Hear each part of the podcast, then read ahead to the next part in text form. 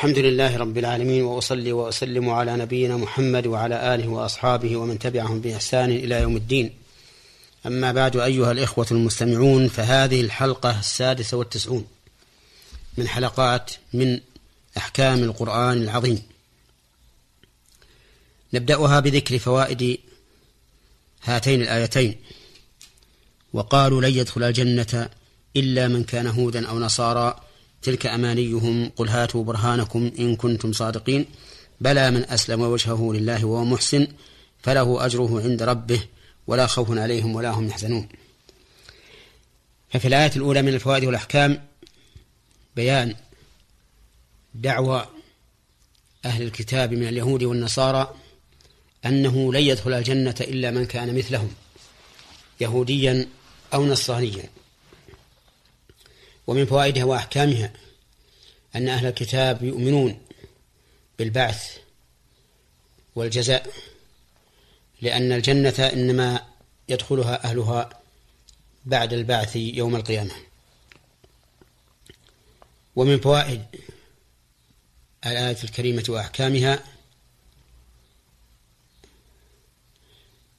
أن يقدم المناظر الحكم على قول مناظره ثم يطلب منه الحجة على إثباته. ولهذا قال تلك أمانيهم. قل هاتوا برهانكم إن كنتم صادقين. ونظير ذلك أن يقول قائل هذا واجب لا بد من فعله. فأقول هذا قولك فهاتي دليلك إن كنت صادقا. فيثبت المناظر. أولا أن هذا قول المناظر وأنه ليس له أصل ثم يتحداه بطلب الدليل.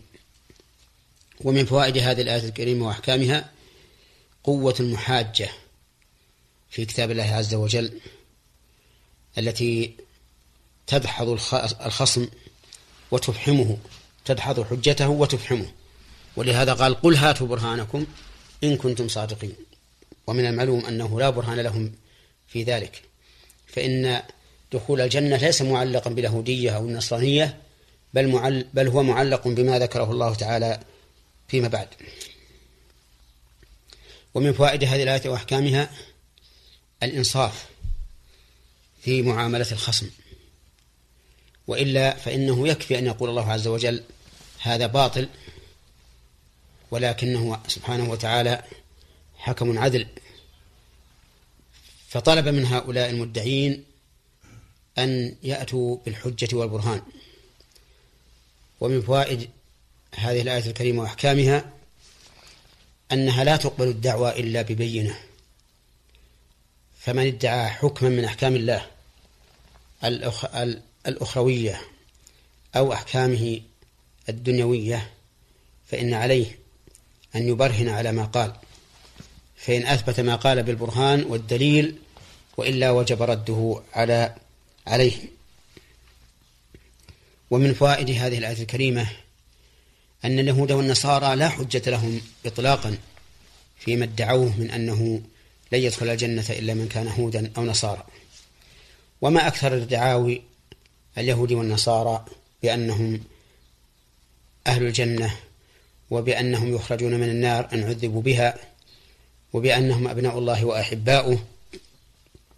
وكل هذه الدعاوى يبطلها الله عز وجل ويبين كذب كذبها. أما الآية الثانية فيقول عز وجل بلى من أسلم وجهه لله وهو محسن فله أجره عند ربه ولا خوف عليهم ولا هم يحزنون. فمن فوائدها وأحكامها أن الثواب لا يحصل إلا بأمرين. الأمر الأول إسلام الوجه لله. وذلك بأن يخلص الإنسان قصده فلا يقصد بعبادة الله تعالى ملكا مقربا ولا نبيا مرسلا ولا محاباة لأحد ولا توسلا لسلطان أو جاه أو مال وإنما يقصد بذلك ربه عز وجل. وهذا مفهوم من قوله بلى من أسلم وجهه لله. وأن العبادة لا لا تقبل ولا تنفع إلا بالإحسان وهو متابعة النبي صلى الله عليه وسلم بحيث تكون العبادة على وفق ما جاء عن رسول الله صلى الله عليه وسلم. ودليل هذين الأصلين العظيمين قوله تبارك وتعالى فمن كان يرجو لقاء ربه فليعمل عملا صالحا ولا يشرك بعبادة ربه أحدا وقوله تعالى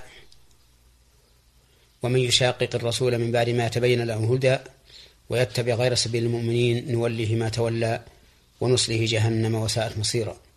وقوله تعالى قل إن كنتم تحبون الله فاتبعوني يحببكم الله ويغفر لكم ذنوبكم. وثبت عن النبي صلى الله عليه وسلم أنه قال إنما الأعمال بالنجات وإنما لكل امرئ ما نوى. فمن كان هجرته إلى الله ورسوله فهجرته إلى الله ورسوله ومن كانت هجرته لدنيا يصيبها أو امرأة يتزوجها أو قال ينكحها فهجرته إلى ما هاجر إليه. وثبت عنه صلى الله عليه وسلم أنه قال قال الله تعالى أنا أغنى الشركاء عن الشرك. من عمل عملا أشرك فيه معي غيري تركته وشركه. وثبت عنه صلى الله عليه وسلم أنه قال من عمل عملا ليس عليه أمرنا فهو رد. فلا بد لقبول العمل من شرطين. أحدهما الإخلاص لله والثاني المتابعة لرسول الله صلى الله عليه وسلم. وليعلم أن المتابعة لا تتحقق إلا إذا وافقت إلا إذا وافق العمل الشريعة في أمور ستة. الأول في الجنس والثاني في الصفة والكيفية والثالث في القدر والرابع بالسبب. والخامس في العدد والسادس في الزمان والمكان. فمن شرع عبادة لسبب لم يجعله الشارع سببا لها لم تقبل منه هذه العبادة. من تعبد لله بعبادة على سبب لم يجعله الشارع سببا لها فإنها لا تقبل منه. ومن تعبد لله بجنس غير ما شرع فإنه لا يقبل منه. مثل أن يضحي الإنسان بفرس فإن ذلك لا يقبل منه أضحية ولو كان الفرس أغلى من البعير لأنها من جنس غير ما أذن فيه. ولو أنه خالف الشرع في القدر بأن صلى الظهر خمسا أو ثلاثا فإنها لا تقبل منه لأنه مخالف للشرع في القدر. ولو خالف الشرع في الزمن بأن ضحى الإنسان في غير أيام الذبح فإنها لا تقبل منه. أو حج في أي في في رمضان فإن ذلك لا يقبل منه لأنه في غير الزمن المحدد شرعا. أو المكان فإن فلو خالف في المكان لم تقبل منه العبادة مثل أن يعتكف في غير المسجد فإن هذا الاعتكاف لا يقبل منه لأنه في غير المكان الذي عينه الشرع للاعتكاف. وكذلك لو خالفت العبادة الشرع في الهيئة والكيفية بأن صلى منكسة صلاة منكسة يبدأ بالسجود قبل الركوع أو توضأ وضوءا منكسا يبدأ برجلين قبل بقية الأعضاء فإن ذلك لا يصح. ومن فوائد هذه الآية وأحكامها أن من عمل عملا مبنيا على الإخلاص والمتابعة فإن أجره يثبت له عند الله. لقول الله تعالى فله أجره عند ربه ومن فوائدها وأحكامها أن من وفق للعمل على هذا الوجه فإن ذلك من ربوبية الله له الربوبية الخاصة لقوله عند ربه. ومن فوائد هذه الآية وأحكامها أن من قام بالعبادة على هذا الوجه الإخلاص والمتابعة فإنه لا خوف عليه في مستقبله ولا حزن عليه في ماضيه لأنه سوف يصل إلى النعيم والسعادة. قال الله تعالى من عمل صالحا من ذكر أو أنثى وهو مؤمن فلنحيينه حياة طيبة ولنجزينهم أجرهم بأحسن ما كانوا يعملون.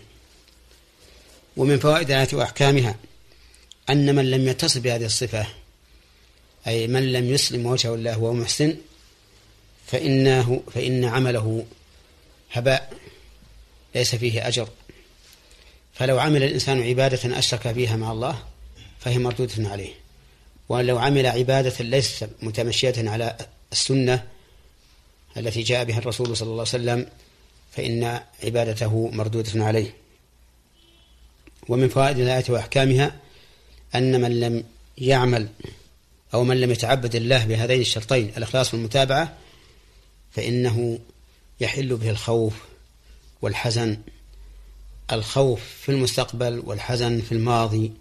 ولهذا يتمنى الكفار يوم القيامة أن يردوا إلى الدنيا ليعملوا عملا صالحا. فيقولون يا ليتنا نرد ولا نكذب بآيات ربنا ونكون من المؤمنين.